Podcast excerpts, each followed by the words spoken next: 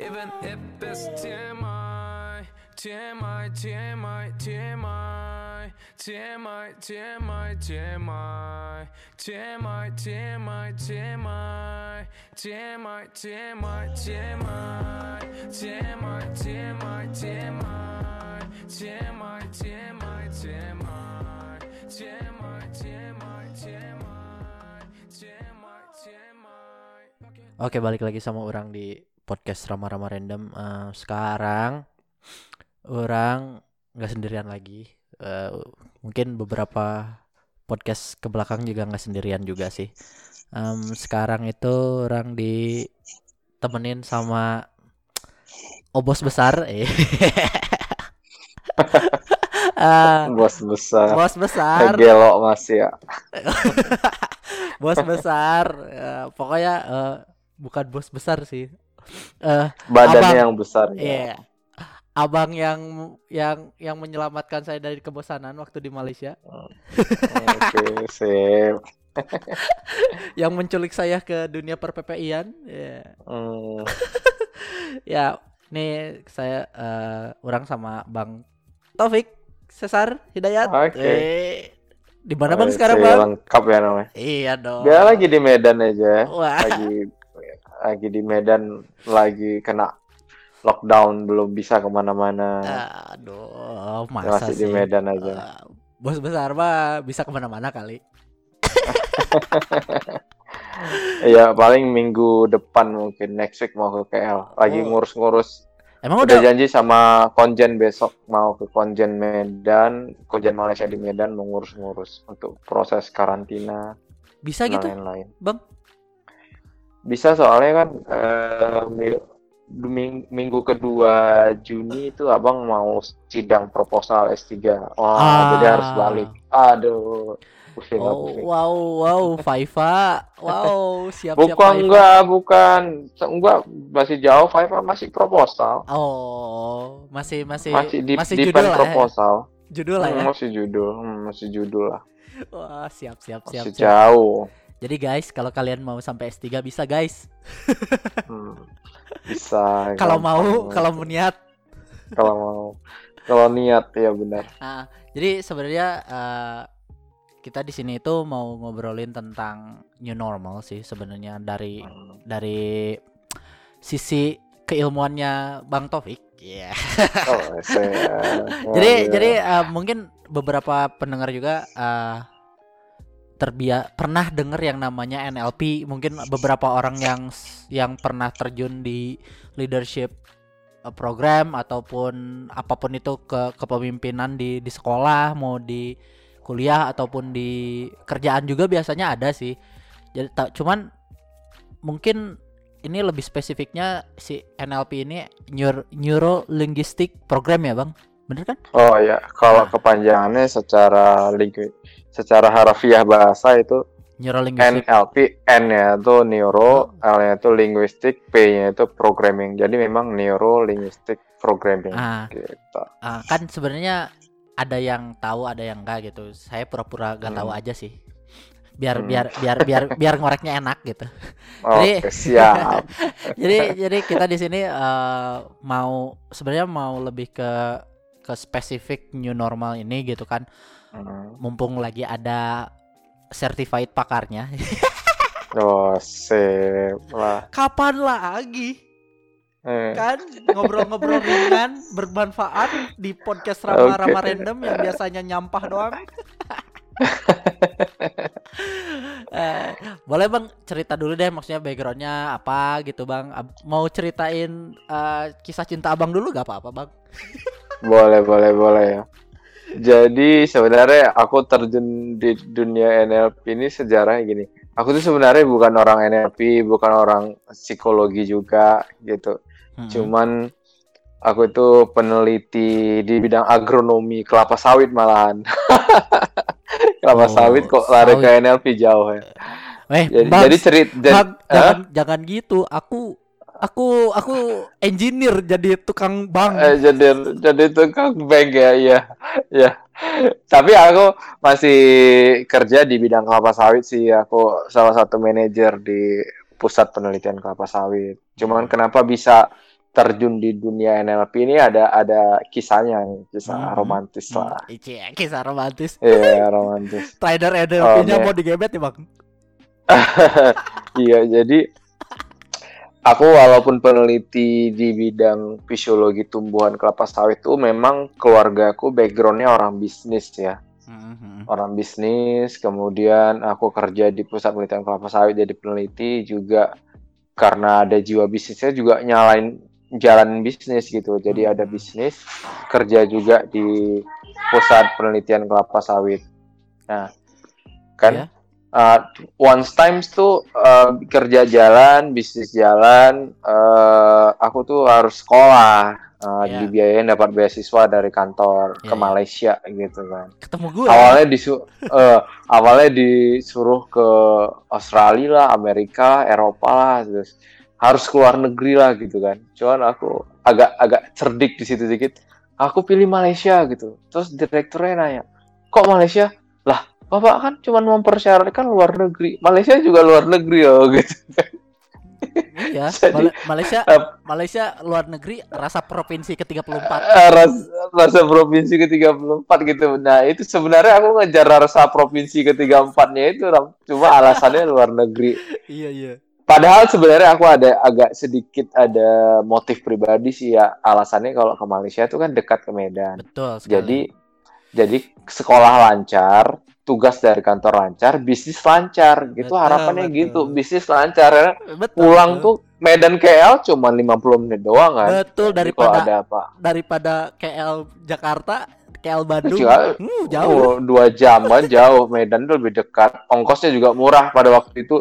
Cuman 380 ribu doang udah sama airport tax itu. Wow. ya murah banget tuh naik, naik itu yang itu yang merah-merah itu trit gitu ya. Ya, yang yang Nah. kayak, kayak bus lah ya. Kayak bus itu kan. Zaman itu kan asik banget.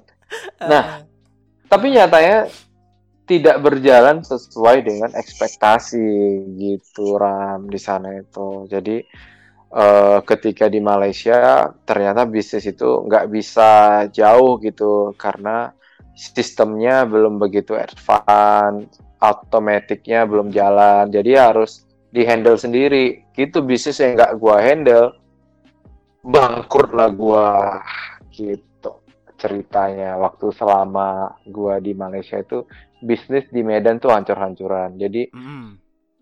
gua perjuangin misalnya eh, uang beasiswa tuh X gitu. Mm-mm. Gua hi- hilangnya bis gua hilangnya itu sekitar eh 20x gitu Wow. kerugiannya gitu. Wow. Wah, buset. Jadi jadi kerugian uang beasiswa itu dibandingin dengan kerugian bisnis gue itu berapa 10 20 kali lipat gitu. Oke, oke. Nah, gue stres, gue stres, gue stres, Gua terus gue sampai sampai gue cari ya. ja eh, stres sampai gemuk karena makan terus. terus gue nyari jalan, gue nyari jalan, gue nyari jalan, akhirnya ketemu jalannya Hmm. dan selesai lah gitu walaupun tidak sempurna kuliah selesai bisnis hancur-hancuran tapi oke ada jalan keluar Mm-mm. nah setelah gua balik gua balik eh jadi dipromosiin kan jadi manajer eh, pemasaran gitu di bidang pembibitan kelapa sawit. Nah terus ketemu lah karena kita di bidang pemasaran kita belajar pemasaran dan lain-lain ketemulah dengan satu tutor. Eh, gua bikin in-house training. Eh, pelatihnya itu tut, eh, trainernya itu jadi guru gua sekarang. Mm-mm. Nah, dia bawainnya itu merubah mindsetnya karyawanku itu untuk memicu kinerjanya, goal dan lain-lain itu dengan teknik NLP. Nah, di situ gua liat NLP, oh ini tuh NLP. Mm-mm. Loh, ini yang gua teknik-teknik ini yang gua lakuin dulu waktu gua lagi terpuruk di Malaysia sampai Hmm. gua survive gitu.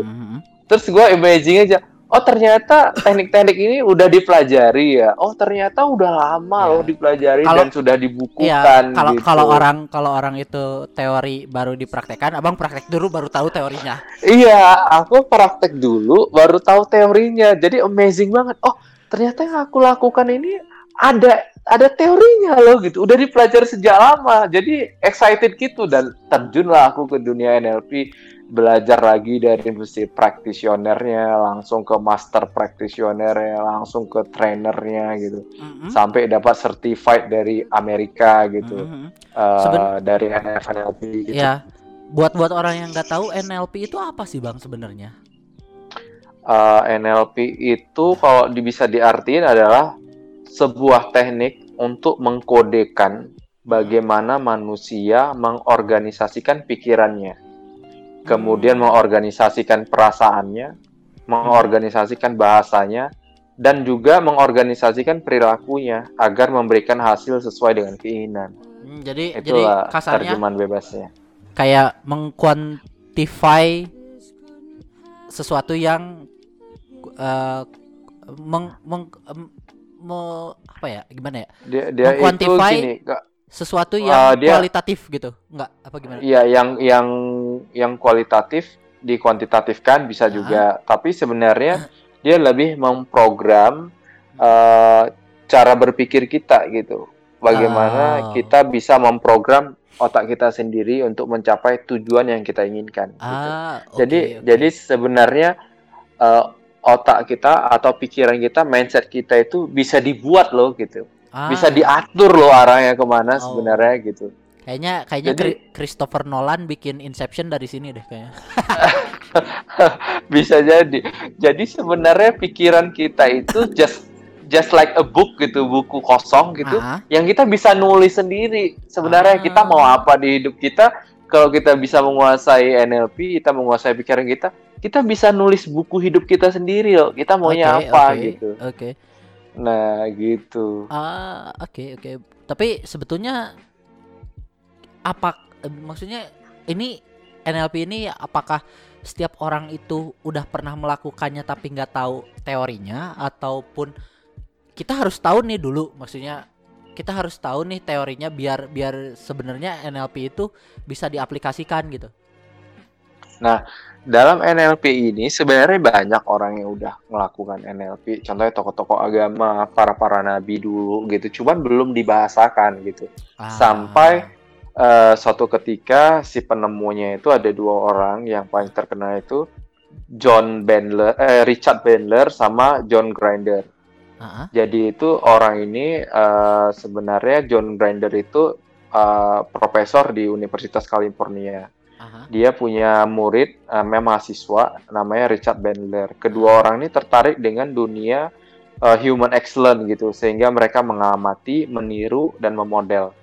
Jadi Ah. kalau filosofinya NLP ini gampang. Eh, dia cukup eh, memperhatikan orang yang yang sukses gitu dengan yang tidak sukses gitu. Coba apa sih yang dilakukan orang sukses? Apa ya sih yang dilakukan orang yang tidak sukses gitu kan? Hmm. Nah, nanti lihat perbedaannya gitu. Jadi kalau kita misalnya mau sukses, ya udah gampangnya tiru aja apa yang dilakukan orang sukses itu. Plek-plek sejati-jatinya, pasti hasilnya sama gitu. Mm-mm. Hmm, oke, Jadi, oke. eh yang kerjaan mereka sehari-hari orang NLP ini mengamati eh, perbedaan dari dua objek yang berbeda Hmm? Gitu, tapi pada bidang yang sama, Oh, yang oke. hasilnya berbeda, satu berhasil, satu yang nggak berhasil gitu. Jadi kayak kayak si si NLP itu adalah kasarnya ilmu yang terlahir dari kompilasi sampling orang-orang sukses gitu. Iya, bisa aja benar-benar. Iya, jadi dia sebenarnya mengamatin eh, ada tiga orang sih pertama kali eh, yang dia amatin. Yang pertama kali itu si Pritzker namanya, sama Virginia Satir, sama Milton Erickson gitu. Mhm. Jadi orang ini bedanya beda-beda. Ada yang psikolog, ada yang ahli bisnis, ada yang lain-lain gitu Mm-mm. kok si si yang terkenal itu salah satunya Milton Erickson. Dia itu seorang psikolog. Kalau psikolog jumpa dia itu kalau ada orang bermasalah Hmm. jumpa sama si Milton Erickson ini pasti masalahnya selesai Hmm, gitu. oke. Terus ada orang pebisnis kalau dia bertemu dengan orang bisnis ini pasti masalahnya selesai. Mm-mm. Rupanya dia hanya mengamatin si Milton Erickson ini apa sih yang dia lakukan sehingga semua orang kalau ketemu dia masalahnya selesai.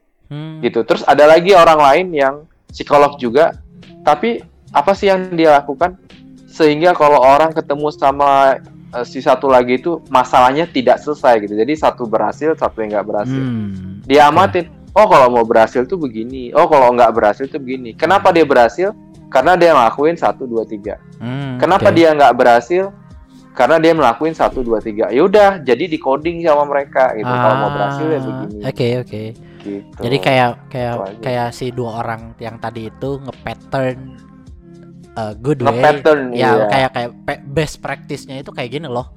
Dan Ah iya betul. wrong doings-nya itu kayak gini gitu. Jadi jadi kayak Iya. oh oh oke oke oke. Jadi itu uh, buat pendengar yang emang nggak pernah denger yang namanya NLP. Mungkin NLP NLP yang lain dan bukan ini gitu mungkin.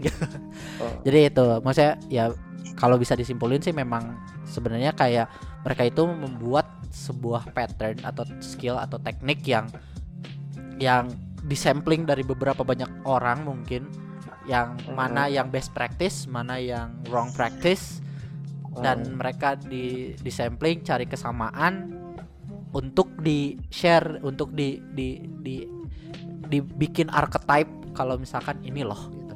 Mungkin gitu ya. Iya. Bang? Iya, Oke. dan ternyata setelah jadi itu ada empat aja pilarnya dalam NLP itu. Setelah kan di sampling tadi Rama bilang kan benar, udah di sampling kemudian di coding. Nah, codingnya itu ada empat coding. Hah?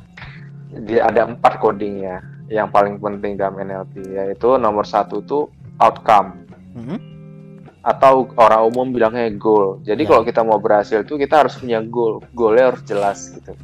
Dan Betul. spesifik gitu. Betul. Misalnya eh apa misalnya gini, aku apa sih goal kamu atau tujuan hidup? Aku mau jadi pengusaha sukses gitu. Itu dalam NLP itu nggak benar, Ya. kurang tepat gitu. Ya. Harus jelas dia. Betul. Eh, aku mau jadi pengusaha sukses, harus jelas pengusaha di bidang apa gitu. Mhm. Oke, di bidang misalnya eh, jual beli sembako gitu. Oke, eh, suksesnya itu tahun berapa gitu. Kalau ini 2020 tahun berapa? Oh 2022, oke berarti dua dua tahun lagi gitu. Tandanya kamu berhasil apa? Oh punya 10 ruko gitu. Kemudian kira-kira diimajinasikan eh, buktinya kamu berhasil selain 10 ruko berapa? Oh aku income, income-nya satu miliar satu bulan gitu. Apa buktinya? Oh, bisa aku bayangkan di dalam rekeningku itu ada uang masuk sebulan tuh satu miliar gitu. Jadi yang namanya goal dalam NLP itu harus jelas. Nggak bisa, lo gue mau sukses, udah sukses sukses aja. Sukses itu abstrak. Dia nggak bisa tadi kan di awal kita udah bilang kan dia nggak boleh yang kuantitatif. Iya. Dia harus kualitatif, harus Ya. bisa dijelaskan gitu. Ah, ah, ah. Kalau nggak bisa, aku mau sukses, aku mau kaya. Kaya tuh apa kaya? Kaya punya apa? Seberapa Punya gitu, satu iya. mobil, dua Seberapa mobil. gitu kan. Seberapa dan seberapanya itu harus jelas ruang dan waktunya gitu. Ah, Kapan oke. gitu. gitu. Jadi jadi harus eh, kuantitasnya berapa, eh, time frame-nya kapan, harus jelas gitu. Iya, harus jelas dan NLP itu goal harus jelas. Jadi kita tuh nggak ngambang-ngambang gitu, nggak ngambang-ngambang. Ah, mau oke. mau sukses, ya udah sukses. Tapi dia nggak tahu suksesnya gimana sukses terus dia mikir, ngebayang, pusing gitu. Tapi kan Bang gitu. eh, eh, melipir sedikit, berarti sebenarnya kan sekarang anak-anak muda sekarang itu semuanya lebih sangat mengover glorified overthinking. Apakah itu juga bagian dari MLV? Coba Eh, deh, enggak. pasti pasti semuanya. Aduh, aku stres overthinking, aku orangnya overthinking. Sebenarnya nggak nggak perlu overthinking sih yang tapi yang maksudnya gini overthinking sih ya nggak perlu kali tapi ya maunya apa yang kita lakukan tuh jelas gitu kita tuh conscious gitu conscious nah ini udah Ya. masuk ke conscious kalau lagi bahasanya jadi Hah? kalau kita di dalam pikiran tuh ada terbagi dua kan alam sadar dan alam bawah, Bawah sadar, sadar. gitu Ya. bawah sadar jadi sebenarnya yang kita lakukan sehari-hari kalau kita buat 100% yang kita lakukan menurut penelitian yang kita sadar tindakan kita ambil tuh hanya 5% loh Ram. Hmm. 95 persennya lagi itu tindakan yang kita ambil dikontrol oleh alam bawah sadar. Ah, Oke, berarti ini consciousness itu berarti eh kode kedua nih. Apa Bukan, itu bukan itu cuma ngatur mindset. Maksud saya Ah. gini aja. Eh, oke lah kita tinggalin itu dulu kita balik dulu yang Ah. tadi outcome itu ya Ah. atau goal yang pertama ya Iya. kemudian yang kedua itu pilarnya sensory equity Mhm. jadi sensory equity itu pemanfaatan seluruh eh, panca indera Iya. indera indera itu eh, perlu seperti penglihatan, penciuman, pengecapan, peraba itu jadi pilar yang kedua kita harus uh, conscious dengan dengan lingkungan kita melalui indera itu. Kemudian yang ketiga itu behavior flexibility yaitu perilaku kita harus uh, fleksibel gitu kita Mhm. harus bisa menempatkan diri kita di mana kita berada Mhm. beserta dengan sifatnya ya. Mhm. Kemudian yang keempat itu raport. Raport itu ya raport itu apa ya? kesadaran untuk membangun kedekatan dengan orang lain gitu. Kedekatan Hmm, interpersonal sit gitu. oke. Oke. Ya kayak Rama ketemu orang gitu kan. Ah, ah. Kalau ingin mempengaruhi orang gitu, ya. Rama tuh harus eh, bisa membangun raport dulu, Mhm. membangun nilai dulu, membangun kepercayaan dulu, baru handshake dulu lah ya. di- Handshake Ah, relationship ya lah ya. handshake relationship itu supaya dia bisa percaya sama kita, Iya, iya. baru kita bisa memasukin ide kita ke dia gitu.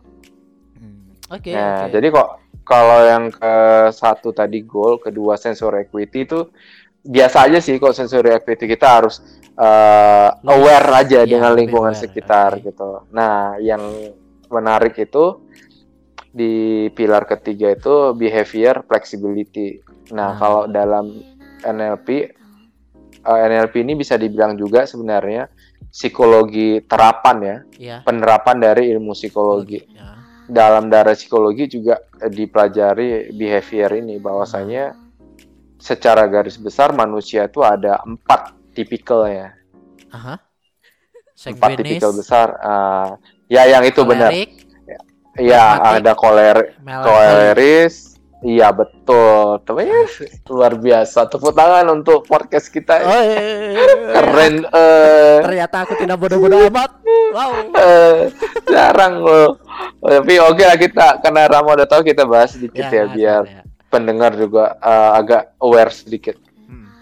Kit- Kita penting untuk mengetahui behave- behavi- behavior ini. Kenapa? Eh, pemenang itu adalah orang yang paling mengerti diri dia sendiri gitu. Betul Jadi sebelum kita sekali. memahami orang, kita harus memahami diri kita sendiri. Baru kita Betul. bisa memahami orang lain. gitu. Betul betul betul. Nah, jadi dalam hal ini ada empat tadi kan. Yang pertama itu eh, koleris. Ya. Koleris itu tipe pemimpin. Ya. Kedua itu sanguin, orang yang ceria. Kemudian eh, Melankolis. melankolis, ya orang yang detil dan lain-lain. Kemudian observer. Kemudian ada Pragmatik. pragmatis. Hmm. Pragmatis tuh ya orang yang baik, pendingin, introvert lah. Ya. Kalau orang bilang itu bahasa Yang- keren itu introvert Yang itu benar-benar introvert itu orang plekma. orang pragma ya pragmatis. Nah, jadi kalau koleris itu tipikalnya pemimpin. Keras. Contohnya keras gitu. Saklek, Eh, saklek. gue, gue, gue, gue gitu, Iya. saklek gitu. Iya. Selalu pe- pengen di depan gitu kan. Ya. Nah, kalau orang pemimpin nih kalau contohnya kayak ya orang zaman dulu tuh kenalnya Pak Harto gitu, Pak Iya. Soeharto tuh koleris. Atau kalau zaman sekarang itu eh, Pak Menteri Luhut Binsar Panjaitan itu Oh, koleris. Lord, Lord Oh, Luhut, Lord. gitu. Oh, itu itu koleris tipe-tipe Wus gitu lah, Iya. itu koleris. Bu Susi lah ya, Bu Susi lah ya. Ah, Bu Susi tuh, lu gua tenggelamkan Iya. gitu. Eh, ya, gitu. Nah, itu tipenya orang Koleris. eh koleris ke orang koleris itu kan dia senangnya Mm-mm. Mem- memimpin kan Ya, maksudnya saklek. tidak A is A. saklek A is A gitu tidak suka didikte gitu pengennya tampil di depan kerjanya mau cepat gitu Yang dan- kolerik terus juga yang kolerik itu sebenarnya dia ngomong dulu sebelum mikir. ya ya benar benar benar benar benar benar benar jadi kadang dia cepat tapi kadang banyak salah juga gitu Iya, benar. Cuman tidak suka didikte Ya. gitu Oke, oke, oke. Itu kolerik. Mungkin ada Mm-mm. pendengar yang kolerik Eh, bisa jadi banyak. ya terus aku aku salah satu yang koleris juga. kelihatan sih bang kelihatan Kelihatan kan gitu. kelihatan Ke- mm, kemudian eh Seng- sanguin sanguin Sang Sangwin, Sangwin itu kan apa ya? Sangwin itu orang yang rame ya, gitu, sosialita Ya. gitu.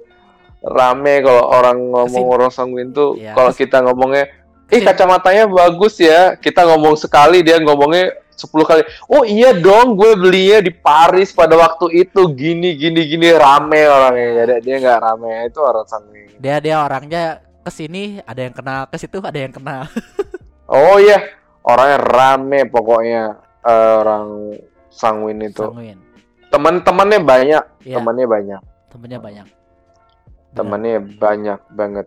Nah, eh kemudian ada ini kan eh, melankolis, observer, orangnya detil gitu. Kalau pakaian tuh rapi wah gitu. bahaya itu pokoknya kalian kalau misalkan ada teman yang melankoli jangan Hmm. salah ngomong dia diem nanti Hmm. pas salah kita salah ngomong dibalik-balikin Oh, dibalik-balikin, bal di diinget dia pokoknya Iya. dia ingat banget deh istilahnya kalau apa dia tip recorder deh iya gitu. betul sekali wah bahaya Hmm, waduh bahaya gitu. bahaya bahaya Walaupun hampir-hampir wanita mempunyai hampir semua wanita mempunyai sisi Melankolis. melankolis. Jadi jadi kalau misalnya cewek itu kan eh, tape recorder. Ketika kalau kita punya kesalahan 10 tahun kemudian pun dia masih ingat aja itu 10 tahun yang lalu gitu-gitu gitu. Ingat ya.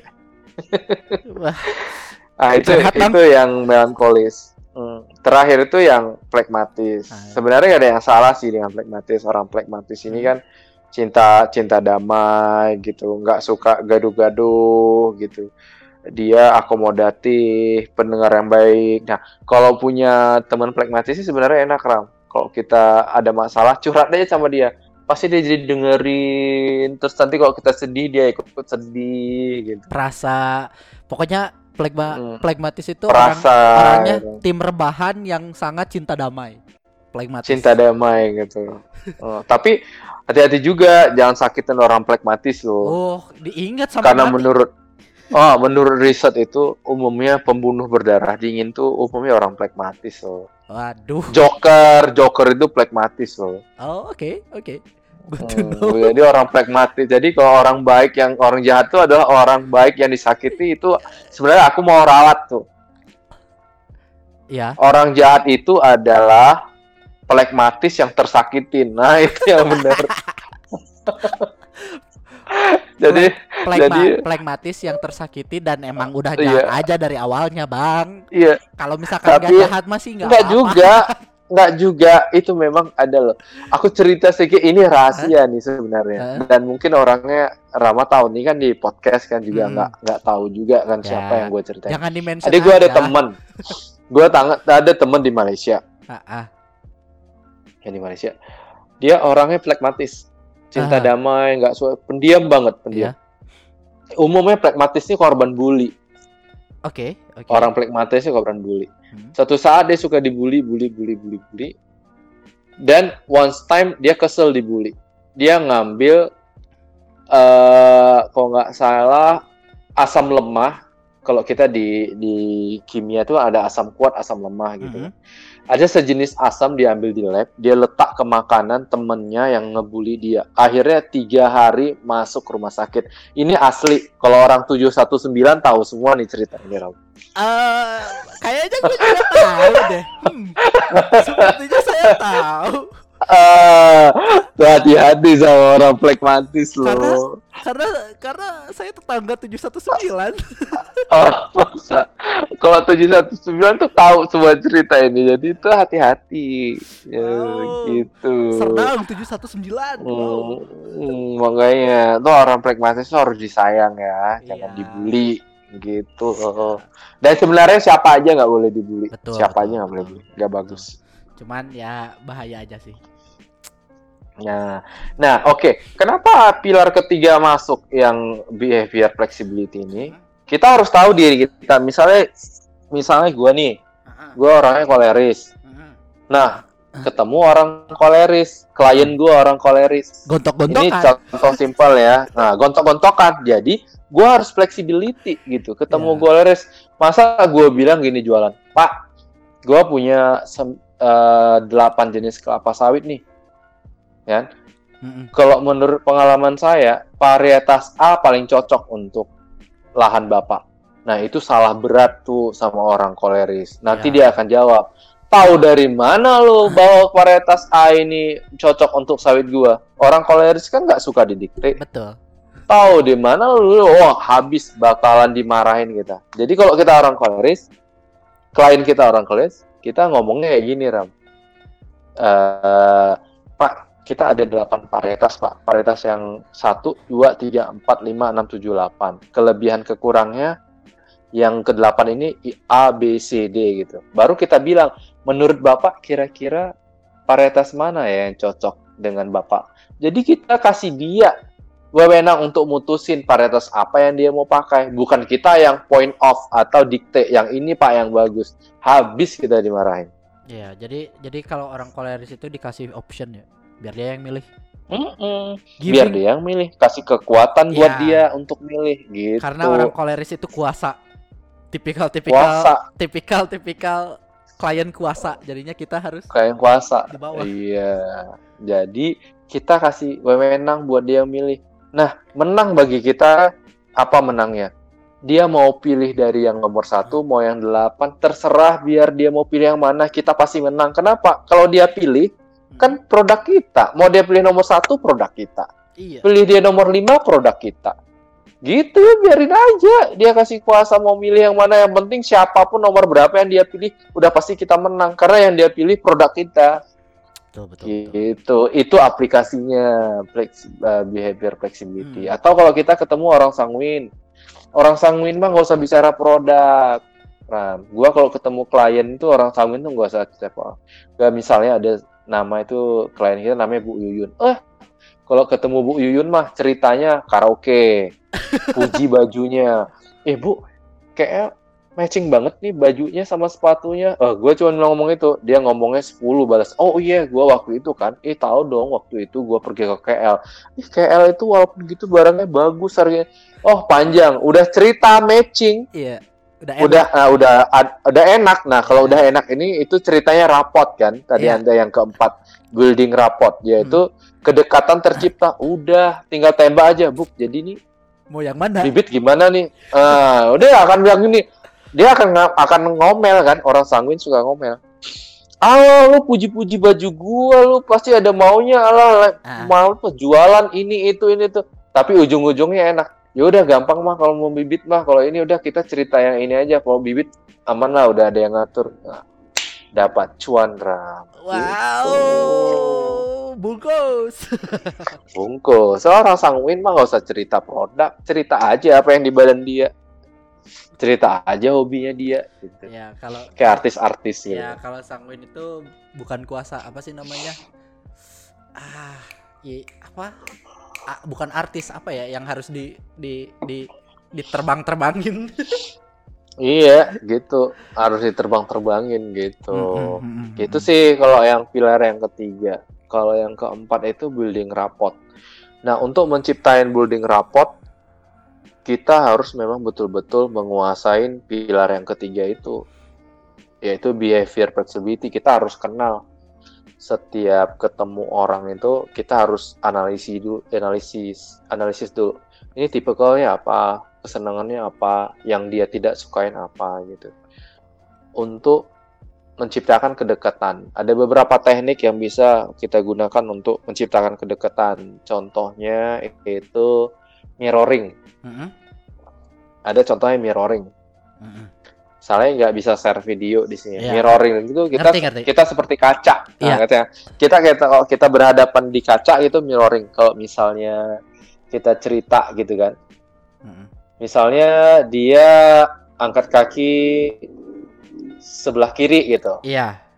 Yaudah kita angkat kaki juga, mungkin sebelah kanannya gitu. Tapi jangan langsung dia angkat kanan, kita angkat kiri. Iya. Kita harus lihat situasi natural aja Iya. gitu. Oh, Oke, Uh, dia angkat kaki, kita angkat kaki. Kemudian eh, dia garuk-garuk kepala, kita mungkin garuk-garuk tengkuk sedikit gitu. Dia pegang buku, mungkin kita pegang pulpen gitu.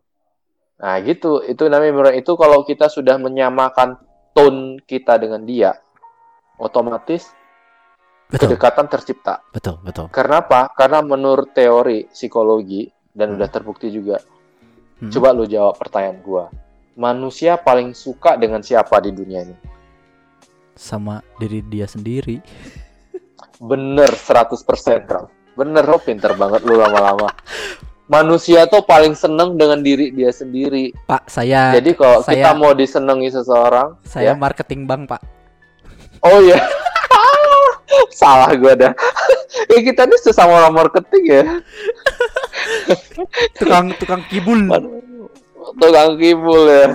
Jadi eh jangan bilang tukang kibul Ramo nanti jadi negatif mah marketing di di pikiran orang. Ber- bercanda, Bang, bercanda. Kita bukan tukang kibul, kita Dan membantu. jangan kasih bad insight. Kita kita kita itu orang yang membantu kalian dengan Membantu. cara cara yang paling nikmat, eh paling nyaman. Asik itu. Halo? Iya. Oh memang bener loh. Iya. Kita nih orang market ini adalah orang orang yang membantu klien mencari untuk solusi, menemukan solusi. pilihan terbaik, Betul. eh, solusi terbaik untuk diri dia. Lu jangan bilang marketing tukang kibul. Marketing ini yang nolongin orang-orang untuk menemukan solusi akan masalahnya. Eh, jangan bilang tukang kibul, Ram. Betul, betul. Ntar gak laku kita.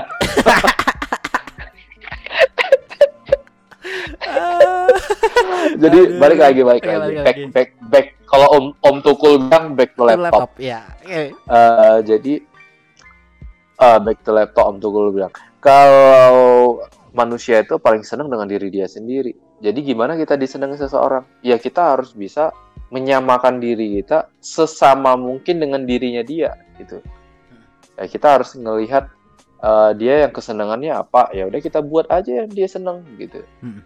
Habis itu eh, behavior dia gimana, tone bahkan kalau kita pelajarin kan Ram, Hmm. sampai tone suara aja kita harus menyamakan.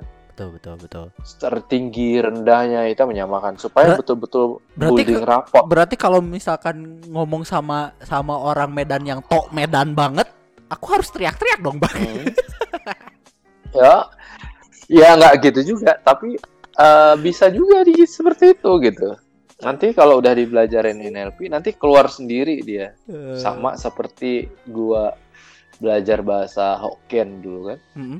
Gua bisa Hokkien itu SMP udah bisa Hokkien. Mm-mm. Nah, itu gua kan ada empat bersaudara. Mm. Tuh kadang di rumah tuh suka ditanyain ajarin Hokkien dong gitu gitu. Mm. Nah, kadang kalau ditanyain misalnya eh makan apa sih makan itu. Yang ini sih gua tahu gitu hmm. makan tuh cia gitu hmm. bahasa hmm. Hokkiennya.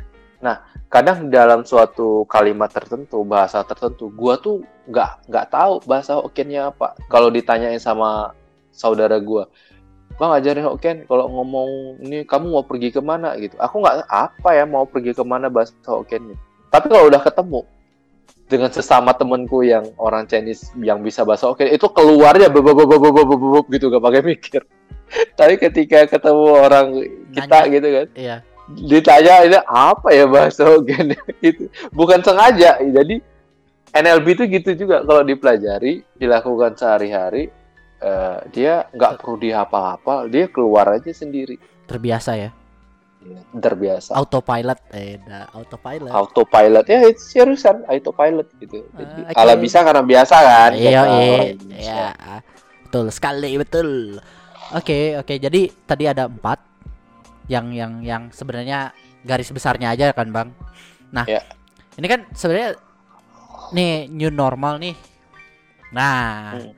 jadi sebenarnya apa sih yang bisa diaplikasikan gitu kan dari NLP ke new normal ini gitu maksudnya buat buat anak anak-anak muda yang masih merintis seperti saya gitu kan ataupun ya ya orang-orang yang late bloomer mungkin masih juga banyak kan mungkin orang-orang gak gak setiap orang punya timeline yang sama kan ya jadi buat pendengar-pendengar ini sebenarnya sih yang dengerin yang dengerin podcast ini kebanyakan 18 ke ke 35 deh bang Mm.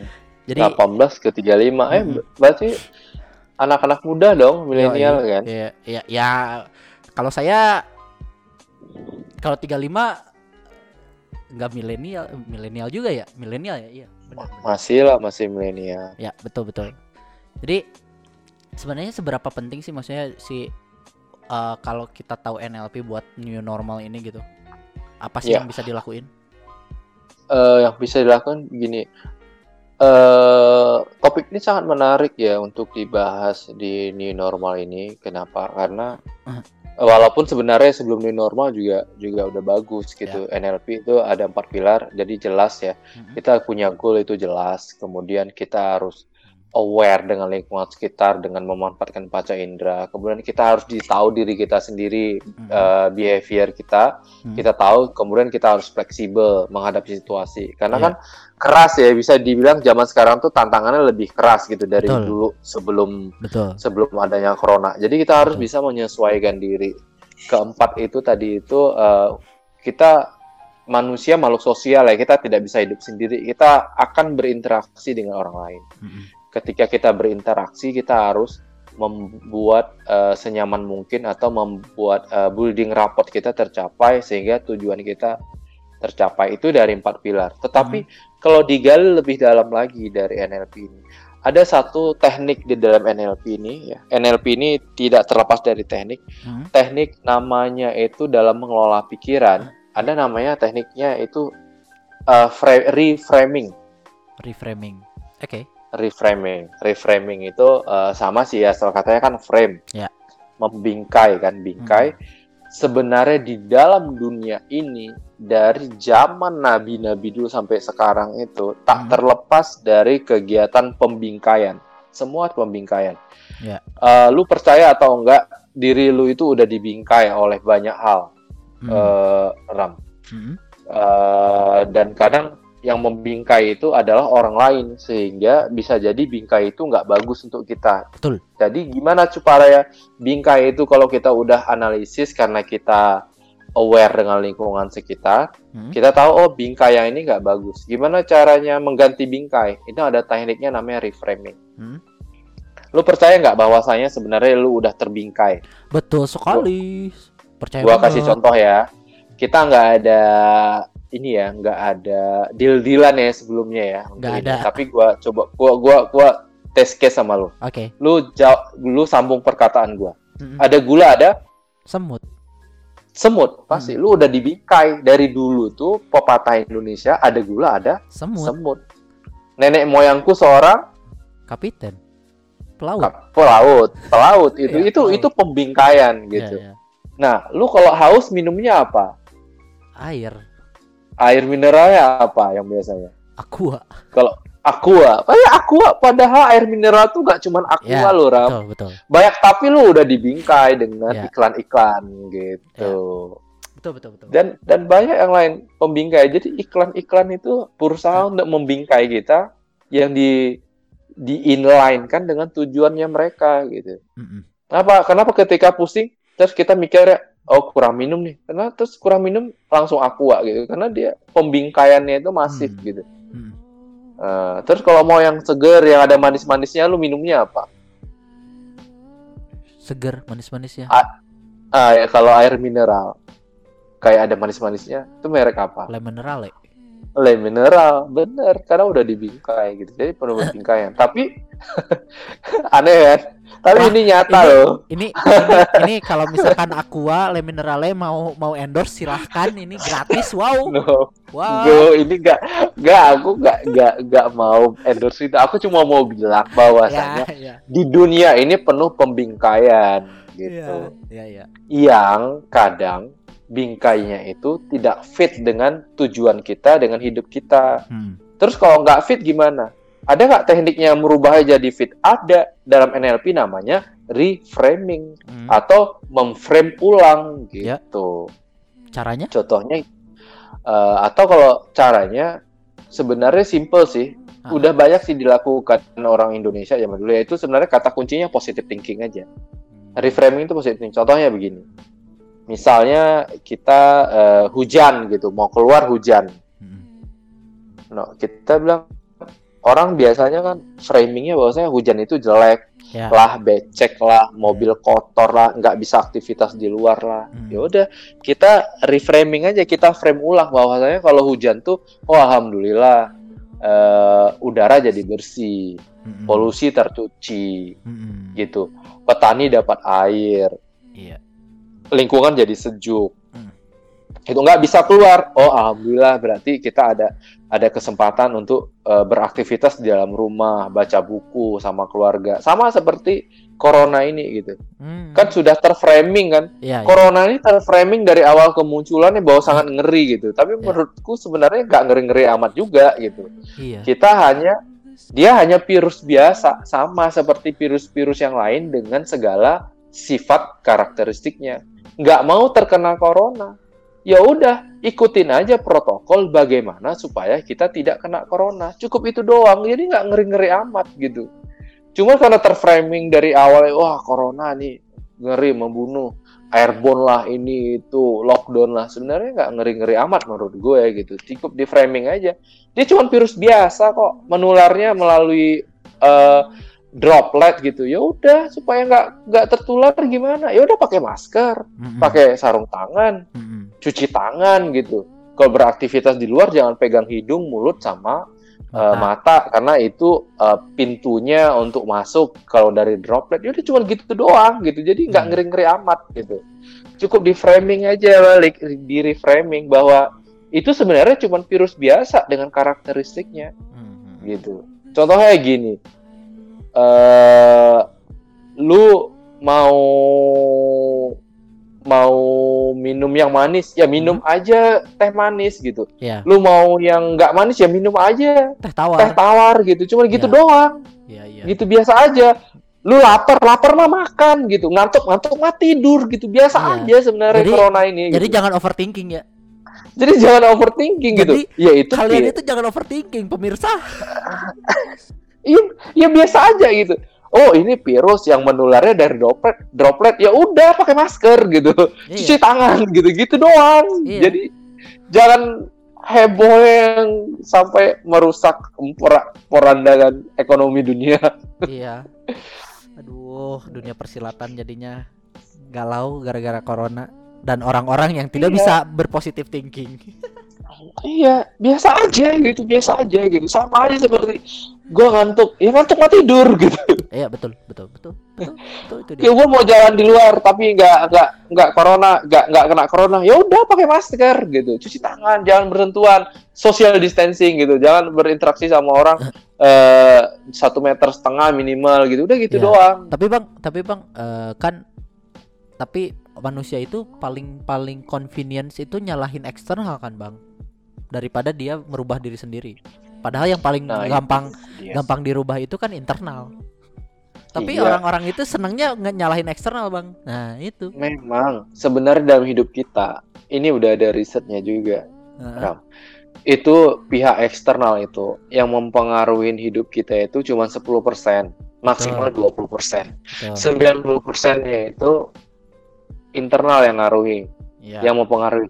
Gua mau kasih contoh ya. Ini nyata ya. Hmm. Ini nyata. Ini nyata. Nah, Gua kasih contoh. Misalnya eh apa ya? apa? Lu tadi pagi eh bangun tidur pertama kali jam berapa? Jam setengah lima Setengah lima. Terus lu beranjak dari tempat tidur jam berapa? Pas adan. Berapa Pas ya? ajan. Jam lima kurang sek- sekian. Oke. Tapi bangunnya setengah lima. Berarti kan ada jeda 30 menit lebih lebih kurang ya? Iya.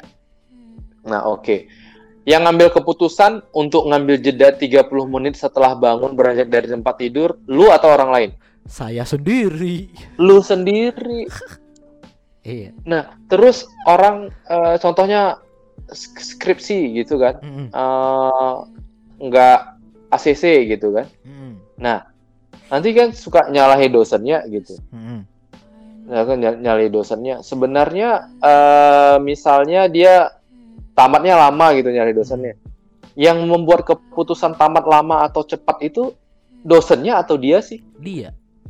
sebenarnya dia sendiri. Kenapa? Betul. Mungkin karena dia nggak kerjain gitu, atau Betul. mungkin judulnya nggak sesuai ekspektasi gitu. betul Jadi banyak hal di dunia ini eh yang sebenarnya keputusan kita, tapi dia blamingnya ke orang gitu. iya karena lebih mudah bang Karena lebih mudah, memang bener blaming orang lain tuh le- lebih mudah gitu. Misalnya dia gemuk gitu kan, berat badan nggak turun-turun. Nah, yang suruh makan lebih banyak dari porsinya siapa? Itu keputusan siapa? Em, dia juga sih tapi tapi ada Keputusan dia iya. sendiri. tapi ada yang kan ini genetika bla bla bla bli bli bli No way, it's not, it's not. Itu cuman blaming doang. Ada yang bilang, oh enggak, gua keturunan besar. Oh, gua big bone, tulang gua gede. Coba di, coba di X-ray, coba tulang orang itu sama semua Hmm, bentuknya, apanya segala macam. hmm. Gitu. Nggak ada itu yang bilang, oh gua tipikal tulang gede gitu. Ada sih beberapa, tapi itu nggak signifikan iya gitu. Jadi Ya. sebenarnya yang paling mempengaruhi dari berat badan itu bahkan sampai 80% itu adalah pola makan sama pola hidup. Nah, Tuh. Yuk sakit sakit dia eh, kena kanker paru-paru karena ngerokok. Yang ngambil keputusan buat ngerokok dan nggak ngerokok itu siapa? ya dia sendiri Diri dia sendiri. Cuman lebih mudah blaming orang Iya. gitu. Menjustifikasi. Jadi, jadi ter menjustifikasi gitu. Jadi aduh ya nih susah nih eh, nggak bisa direm makannya lah. Masalah yang ngerem makan sama nggak ngerem makan keputusan siapa? Kan keputusan dia. Terus Hmm. ngapa susahnya nyalahin orang lain gitu. terus ha- harus orang lain yang yang nerima dia apa adanya hmm? Nah, harus orang lain. Nah, kalau misalnya gini, eh, makan tadi berat badan. Kalau dia blamingnya ke orang lain, ya kapan dia kurusnya? betul Orang yang, yang sebenarnya kan keputusan itu di tangan dia, tapi Betul. suruh orang yang ngambil keputusan untuk dia kan nggak mungkin. betul betul Keputusan yang dia ambil, tapi dia suruh orang yang ngambil keputusan untuk dia yang nggak mungkin, yang nggak jadi. Hmm, hmm. Oke, Nah, jadi memang lebih gampang nge-blaming gitu. Oh, betul sekali. Wow, wah, ternyata benar sih Dulu gua, ya. gua, gua sering gitu dulu masalah yang sampel lu itu. Gua bangun jam 5 pagi. Tapi habis itu gua tidur lagi. Terus gua jam 7 bangun. Terus kantornya telat. Nah, yang ngambil keputusan nggak bangun tadi itu siapa? Ya gua sendiri. Terus nanti gua nyalahin, "Ya Pak, macet Pak tadi." Lah, macet yang disalahin. Nah, yang nggak bangun dia gitu. Macet yang disalahin. Betul betul betul. No excuse lah ya. Gitu. No excuse sebenarnya karena keputusan itu kita yang ambil. Hmm. pihak luar itu sebenarnya yang mempengaruhi 10 sampai 20 persen aja ram. Ya. 80 persen sampai 90 persen itu keputusan kita. Iya, iya. Betul, betul. Begitulah. Berarti sebenarnya buat orang-orang ya pendengar ya yang di sana yang sedang-sedang overthinking karena corona dan nggak bisa nongkrong dan itu sebenarnya keputusan itu keputusan mereka berpikir untuk memilih untuk overthinking dan dan tidak bahagia waktu di rumah berarti bang Iya bener itu keputusan mereka yang untuk bahagia. Kebahagia itu masalah keputusan. Bahagia nggak bahagia itu bukan keadaan, tapi keputusan kita untuk mensyukuri apa yang ada atau tidak mensyukurin. Jadi bahagia itu kalau menurut gua adalah kata kuncinya itu bersyukur. Tapi dalam mengambil keputusan untuk bersyukur itu ya keputusan kita lagi. Kita mau mengambil keputusan untuk bersyukur atau nggak bersyukur. hmm. Nah, biasanya orang yang nggak bersyukur itu framingnya salah. ah, Kalau mau jadinya bersyukur, di reframing gitu. hmm. Hmm. Gitu loh. Simpel aja sih hidup ini cuman cuman kadang orang mungkin nggak tahu ilmunya gitu Ya. sih bisa jadi. ya tapi ya Makanya maksudnya- menurut gua nggak dikit aja.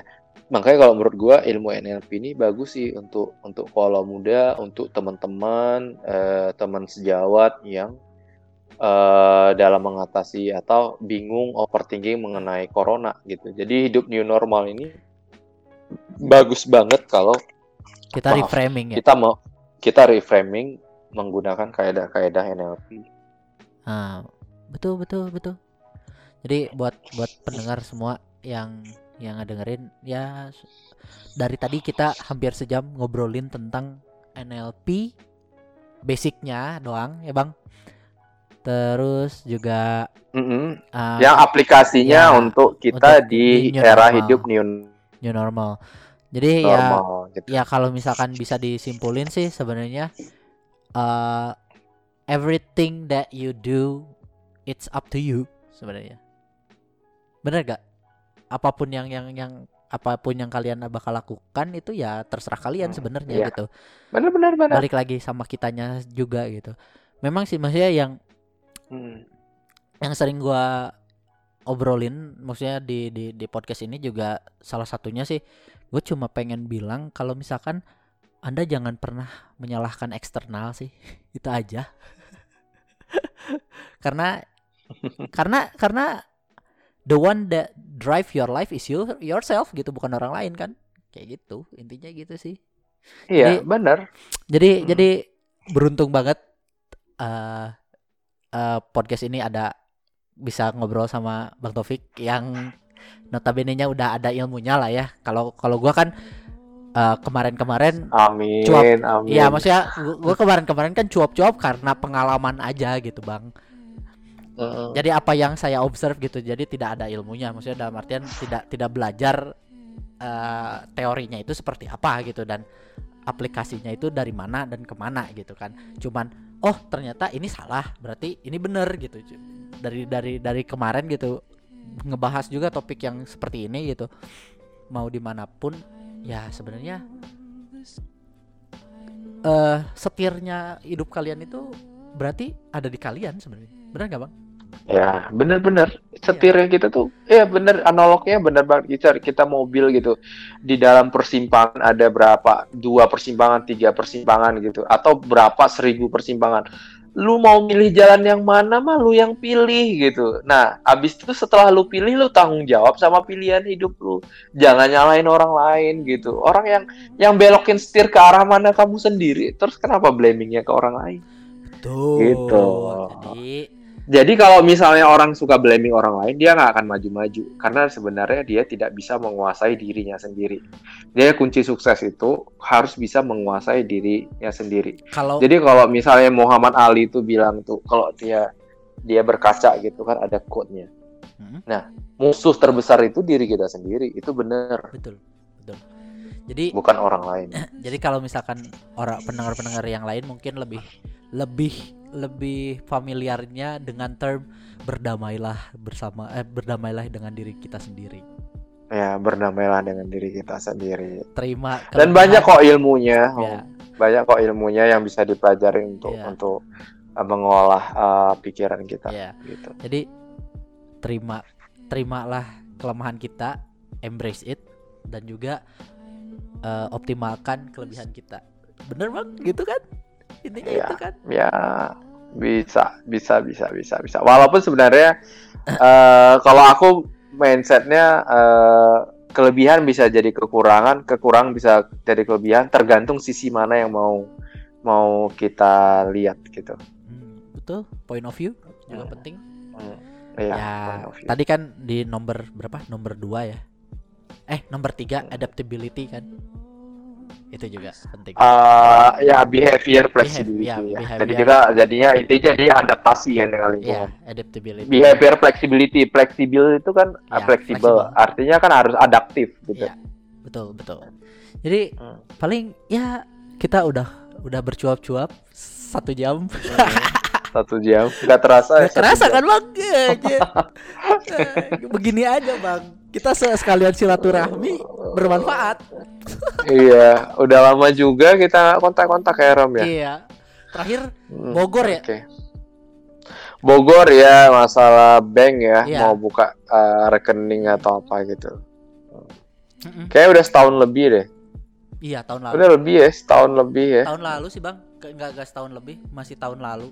Ma hampir Masih setahun tahun lalu ya, hampir setahun. Oke. Iya, paling itu ya sebenarnya sih tradisi di podcast ini sih em, biasanya aku sama teman-teman ataupun siapa pun yang yang yang berada di podcast ini biasanya terakhirnya ngerekomendasiin apa pun itu kayak mau lagu, mau film, mau apa pun buat buat pendengar ya buat dinikmati lah. Boleh mungkin abang ada ada Hmm. rekomendasi bang? Apa buku apa? Um? Oke. eh pertama itu aku rekomendasi untuk eh, NLP ya, tapi Hmm. kalau buku untuk kalau muda nih paling penting nih. aku baru nyelesain buku eh, Rich Dad Poor Dad dari Robert, Robert Kiyosaki. Kiyosaki. Itu bagus banget untuk Bagus banget. baik Itu- anak muda eh, Robert Kiyosaki yang Rich Dad Poor Dad, Ya, cara mengelola keuangan, Ya. eh, mindset tentang uang. ya. Itu mindset yang selalu kekayaan. yang selalu di di diangkat sama MLM. Rich Dad Poor Dad. Iya, tapi sebenarnya Tapi bagus, eh, bagus. mereka aplikasinya Ya. menurutku kurang tepat. Ya, tapi bagus. Yang paling penting itu baca dulu bukunya gitu. Mhm. Jangan dengar kata orang, baca Betul. bukunya. Betul. Keren banget. bagus. Gua kalau bisa bisa milih mau baca buku itu saat gua umurnya 17-an gitu Betul. kalau bisa. Betul. gitu. Jadi sekarang gua umurnya 37 sih udah agak telat. Jadi tapi tidak telat juga gitu. Walaupun sebenarnya eh, konsep-konsepnya aku udah udah laksanain duluan sih. Ternyata ini lebih mendalam lagi. Jadi Hmm. untuk anak-anak muda bahkan di bangku kuliah coba lu baca deh bukunya biar mindset lu tentang uang dan kekayaan tuh bener Ya. gitu. Setauku juga ada kok kalau nggak salah eh, e-booknya. Jadi kalau misalkan kalian males beli buku fisik, tapi sebenarnya lebih enak baca di buku fisik, e-booknya udah ada Iya. dan juga kalau nggak salah ada beberapa website yang yang memberikan gratis kalau nggak salah ya, setauku. Mhm. Bisa bisa dibaca sih. Bagus sih, benar bagus, bagus banget. Rich Dad Poor Dad, Iya. Robert T. Kiyosaki. Pokoknya Robert T. Kiyosaki itu bagus, bagus bagus sih bukunya. Selain Rich Dad Poor Dad ada apa gitu? Eh, ada lagi lah pokoknya itu juga bagus ngomongin tentang tentang lebih ke stock market and stuff gitu. Kemudian yang terakhir nih, terakhir nih. Ini mungkin agak aneh, mungkin agak aneh. Aku mau rekomendasikan film. Mungkin filmnya nggak terkenal sama sekali. Hmm. Mungkin filmnya yang lu nggak pernah dengar judulnya. Hmm. Tapi menurut gua itu film yang sangat bagus bagi gua karena menggambarkan kehidupan dari mulai zamannya nabi-nabi, Hmm. dari zamannya kolonial sampai Hmm. zaman modern sampai ke zaman future Hmm. Terangkum dalam film itu itu namanya Cloud Atlas. Oh iya, Cloud Atlas. Gue udah nonton sih. Cloud Atlas. Eh, Cloud Atlas. ya, Cloud Atlas. Cloud Atlas tuh eh, Tom Hanks, Tom, Ya, Hanks. Tom Hanks. keren banget filmnya. Ya. Mungkin akan bingung ya bagi seseorang nonton itu, tapi bagi gua itu film yang Itu salah satu yang yang top bisa, banget, yang bisa ditonton terkenal, tapi harus gua harus ditonton dua banget. kali sih. Itu tipikal film yang harus ditonton dua kali baru ngerti. Ya, Iya. ya. Hmm, karena kalau sekali nggak ngerti. Ya, betul. Tapi tapi itu bagus banget, Hmm, bagus bagus, banget. Gua seneng banget tuh sama itu Cloud Cloud Atlas. Atlas. Nggak terkenal sih filmnya, tapi Itu ternyata Itu zaman maknanya ba- dalam banget. SMA itu. Cloud Atlas. zaman gue SMA. Oh ya, iya. Berarti Nonton ya. nonton. Padahal nggak terkenal loh film itu. Ah, hebat Karena- nonton. Enggak, karena karena eh, paman paman paman gua beneran movie freaks. Jadi beneran ada Hmm, ada ada film baru pasti punya DVD-nya. hmm, oke. Jadi aman. Ya itulah. Mungkin Sip. ada ada lagi Bang yang yang sepatah dua patah kata atau mungkin sudah saja? mungkin ada ada Udah itu aja sih, dua dua itu aja cukup. ada lah. ada ada kata-kata untuk mantan eh salah Kalau kata aku ngutip aja ya dari eh, Pascal ya, Boy- Boyle Pascal bilang, da, eh, bahasa terjemahan bebasnya kok kita di bahasa Indonesia, misalnya ada badai nih di Hmm. lautan, kita mengarunginya pakai kapal layar gitu kan. Hmm. Nah dia bilangnya gini, kita tidak bisa mengatur arah angin, Hmm. Tapi kita bisa mengatur layarnya. asik gitu. mantap jiwa Jadi jadi connect dengan yang kita NLP tadi. Ya, kita nggak iya. bisa ngatur arah angin, kita nggak bisa ngatur corona apa segala macam. Tapi kita bisa mengatur mindset kita akan corona itu gitu. betul. Kalau nggak cocok, kita bisa reframing gitu. Iya. Jadi ya corona biarin aja, tapi kita memandangnya ya gimana? Kita memandangnya bahwa corona itu ya biasa aja gitu. Supaya kita tuh jangan hidup dalam ketakutan gitu Oke oke betul. kita nggak bisa ngatur corona itu kapan datang, kapan pergi, harus cepat datang, cepat pergi, kita nggak bisa atur. Tapi kita bisa mengatur pola hidup kita, kita pola bisa mengatur mindset kita gitu. Hmm, Itu maksud dari eh, kata mutiara luar Pascal itu. biasa. Kita tidak bisa mengatur arah angin, tapi kita bisa mengatur arah layar kita. Mantap. Sip. Ya, sip. Itu aja. Iya, berarti tadi udah rekomendasi udah, semuanya udah. Ya mungkin ini salah satu eh, podcast rama-rama random yang berfaedah. Biasanya gak berfaedah. Biasanya cuma ngedengerin eh, gua ngedumel doang gitu ataupun ngegibahin orang. Jadi ya semoga eh, pendengar di sana yang yang sedang menghadapi dan beradaptasi dengan new normal bisa baik-baik aja. Pokoknya intinya ya hidup kalian ya bisa di setirnya sama kalian sendiri. Jadi be positif aja sih. Jadi ya segitu aja dari kita. Mungkin nanti uh, bakal ada lagi mungkin ke depannya episode sama Bang Taufik yang yang lain-lainnya juga gitu. Mungkin kita ngobrolin tentang tentang balada balada perorganisasian. organisasi aktivis ya aktivis. Udah cukup jadi aktivis nih Eh, ya paling gitu. Jadi sekian dari dari gua Rama dan juga dari Bang Topik. Eh, ketemu lagi di. Rama Rama Random eh, episode berikutnya. Bye teh bye thank you. Assalamualaikum. Salam